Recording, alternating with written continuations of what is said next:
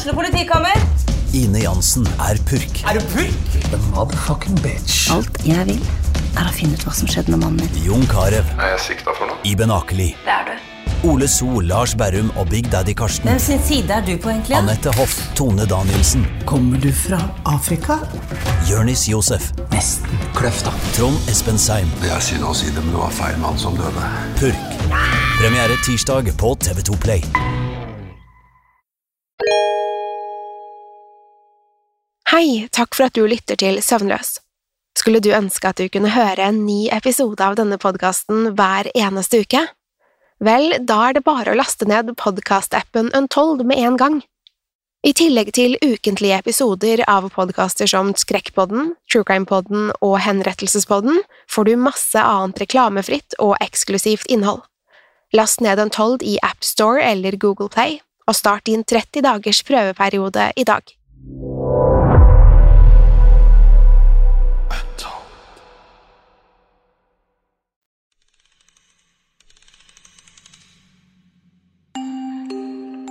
Om du har planer om å sove og drømme søtt i natt, er dette ikke podkasten for deg. Hvis du er lettskremt, lett påvirkelig eller har søvnproblemer, bør du styre unna akkurat denne.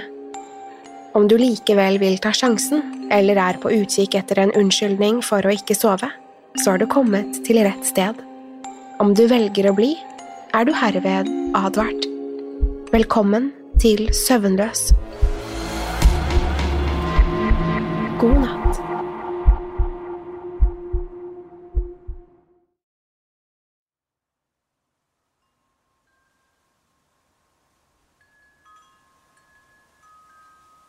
Du kommer ikke til å tro historien jeg er i ferd med å fortelle. Du er ikke den første, og du kommer ikke til å bli den siste til å tvile på meg. Det spiller heller ingen rolle. Jeg vet hva jeg så i bekken den kvelden, og det kommer til å plage meg resten av livet. Dette er derfor en advarsel. Den gangen jobbet jeg på en skitten fastfood-restaurant. Det eneste som er verre enn å jobbe på et slikt sted, er å jobbe kveldsskiftet, alene og uten en bil til å komme seg rundt med. Det var tilfellet for meg den gangen. Jeg bodde langt ute i skogen og hadde et godt stykke hjem etter skiftet mitt. Derfor var jeg helt avhengig av andre for å komme meg til og fra jobb. En natt etter en hektisk kveld på jobb stengte jeg restauranten og kledde på meg. Jeg ringte en venninne som hadde sagt at hun kunne hente meg, men fikk ikke noe svar. Det er ikke det at jeg forventer at folk bare skal stille opp, men at venninnen min hadde klart å sovne, gjorde meg rasende der og da. Dermed hadde jeg ikke noe annet valg enn å gå hjem, igjen. Dette var nemlig på ingen måte første gang det hadde skjedd. Det tok meg nesten halvannen time å gå hjem, og da holdt jeg høyt tempo hele veien. Ikke var det noen enkeltur heller. Jeg bodde som nevnt dypt inne i ingenmannsland. Langs veien jeg tok, fløt en liten bekk med høyt siv og bratte bredder. Veien var elendig opplyst, og om man var uheldig, kunne man vandre rett av stien og plumpe i det kalde vannet. Å si det var ekkelt å gå nedover den mørke stien, var en sterk underdrivelse. Det var rett og slett skremmende. Lyder fra bekken og skogene rundt får deg til å skvette høyt. Det er ville dyr, rasling i blader og plasking fra bekken. Hva som lurer i mørket, er kun opp til fantasien din å koke opp. Det var altså dette jeg hadde å se frem til på min ensomme ferd hjemover. De første 30 minuttene av turen er ikke så ille. Da er jeg fremdeles i de opplyse delene av byen, med butikker, hus og biler som passerer i høy fart. Deretter går jeg forbi en rekke små nabolag, før ting begynner å føles mer utrygt. Det er der bekken renner. Jeg kikket nedover den krokete grusveien. Kun et lite stykke av den var synlig, før mørket og stillheten omsluttet alt. Den neste timen skulle jeg vandre i uvisshet om hva som lurte i skogen og bekken rundt meg. Jo lenger nedover veien jeg gikk, desto mørkere og mer ufremkommelig ble terrenget. Snart kunne jeg verken se eller høre byen bak meg lenger. Det var bare meg, veien, bekken og hva enn som lusket i området. Et sted foran meg kunne jeg høre gresshopper som spilte, og frosker som kvekket, samt en og annen fugl som jaktet i natten. For å stenge frykten ute fokuserte jeg på lydene som alltid virket beroligende på meg. Der jeg gikk, fulgte jeg med på skoene mine og talte skritt, Det var enda en måte for meg å flytte fokuset vekk fra den farlige situasjonen. Jeg telte til hundre skritt av gangen før jeg startet på nytt og lot meg drive av sted i repetisjonene. Skoene mine ble fuktigere og fuktigere for hvert skritt jeg tok, og jeg kunne kjenne hvordan den våte grusen trengte seg inn i sålene. Jeg sluttet å telle et øyeblikk og funderte på om en passende straff for den sovende venninnen min var et klask med en våt sokk i ansiktet. Jeg flirte litt for meg selv idet jeg tittet opp, og med ett satt latteren seg fast i halsen min. Der jeg tidligere hadde vandret alene på den mørke stien, ble jeg plutselig slått av en følelse av at noen var der sammen med meg. Panikken steg i meg mens jeg myste inn i mørket. Et stykke lenger ned i veien kunne jeg se det. Hjertet mitt hamret i brystet idet en mørk silhuett steg opp fra tåken lenger fremme. Den der borte var fremdeles så langt unna meg at jeg ikke kunne si om den beveget seg mot eller fra meg. Jeg stivnet og kunne føle blodet strømme opp i hodet mitt. Tusen scenarioer fosset gjennom tankene mine på en og samme gang. Hvem var dette?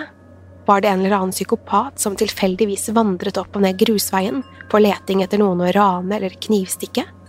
Var det venninnen min som hadde våknet og fått dårlig samvittighet, og nå var kommet for å møte meg? Jeg prøvde å riste av meg redselen. Hvorfor skulle noen vandre målløst rundt der nede ved bekken? Hvem enn det var, var de sikkert akkurat like redde for å møte meg som jeg var for å møte dem. Det roet meg litt ned, men jeg kunne fremdeles kjenne adrenalinet ligge og lure et sted dypt inne i kroppen min. Hva skulle jeg gjøre? Løpe? Veien gikk bare i to retninger, og jeg hadde ingen planer om å tilbringe natten i byen. Skulle jeg bare fortsette å gå hjemover? Hva var egentlig sannsynligheten for at den der fremme ville gjøre meg noe vondt? Mens jeg sto der stiv som en stokk, innså jeg at silhuetten definitivt beveget seg mot meg. Nå kunne jeg også se flere detaljer i mørket. Jeg myste mot skikkelsen og la merke til at den på ingen måte gikk som et vanlig menneske. Gangen dens var knotete og hakkete. Den duppet ikke opp og ned som et menneske ville gjort. Mens silhuetten nærmet seg, kunne det nærmest se ut som den beveget seg i korte, raske rykk.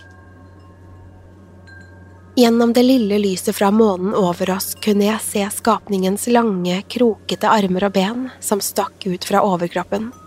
Etter hvert som den kom nærmere, så jeg hvordan hodet stakk ut fra nakken, som var lengre enn noen nakke jeg hadde sett tidligere. Snart kunne jeg også høre de lave, smattende lydene den laget mens jeg gikk. Det var nærmest som små sugekopper som spratt opp og ned fra den våte grusbakken, og nå var den begynt å bevege seg fortere. Skapningens ansikt løftet seg mot lyset, og et par stikkende gule øyne lyste opp som perler.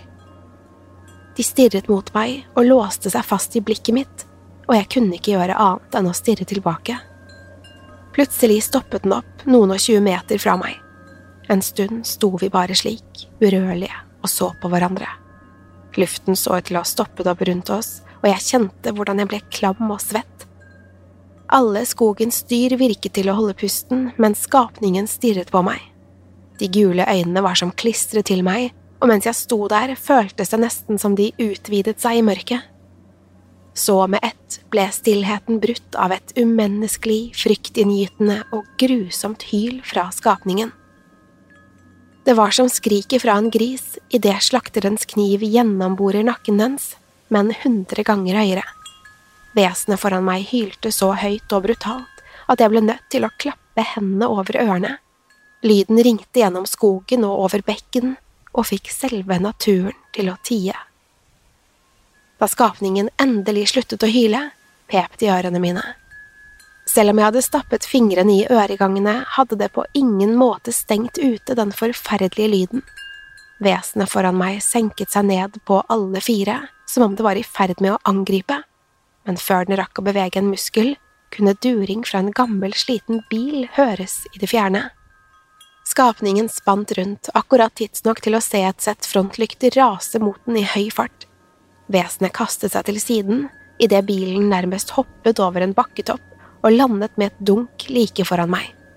Jeg lukket øynene og ventet på at bilen skulle treffe meg, men ingenting skjedde. Da jeg åpnet dem igjen, kunne jeg se at den gamle Toyotaen til venninnen min sto og hveste kun centimeter fra meg. Uten å se på henne fortet jeg meg rundt bilen for å se hvor det var blitt av skapningen, men nå var den forsvunnet. Det eneste tegnet til at den hadde vært der, var små skvulp av bobler som steg opp fra dypet av bekken. Jeg nølte ikke et sekund lenger og kastet meg inn i passasjersetet på bilen. Venninnen min beklaget seg igjen og igjen og sa at hun ikke hadde fått med seg anropene mine, men jeg hørte ikke etter. Hva enn det var som hadde stirret på meg i mørket, så hadde tydeligvis ikke venninnen min sett den. Vi kjørte hjem i stillhet. Venninnen min forsøkte å spørre om jeg hadde det bra, men jeg fikk meg ikke til å si et ord. Hva ville hun tro om meg om jeg fortalte hva jeg hadde sett? Det eneste som var sikkert, var at jeg aldri ville se skapningen igjen. Jeg flyttet ut av huset i skogen så fort jeg kunne, og har aldri vært i området siden. Jeg aner fremdeles ikke hva jeg så den kvelden, og jeg vet ikke om jeg vil finne ut av det heller. I ettertid har jeg tenkt en del på venninnen min og de andre jeg bodde med den gangen. Vi mistet kontakten etter at jeg flyttet ut, men for alt jeg vet, bodde de der i mange år til. Jeg burde ha advart dem, akkurat som jeg advarer deg. Noe lurer i dypet av bekken. Noe stort, umenneskelig og utvilsomt livsfarlig.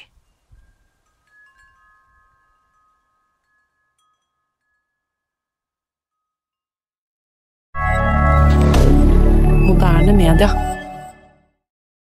Har du et enkeltpersonforetak eller en liten bedrift? Da er du sikkert lei av å høre meg snakke om hvor enkelt det er med kvitteringer og bilag i fiken, så vi eh, gir oss her, vi. Fordi vi liker enkelt. Fiken superenkelt regnskap.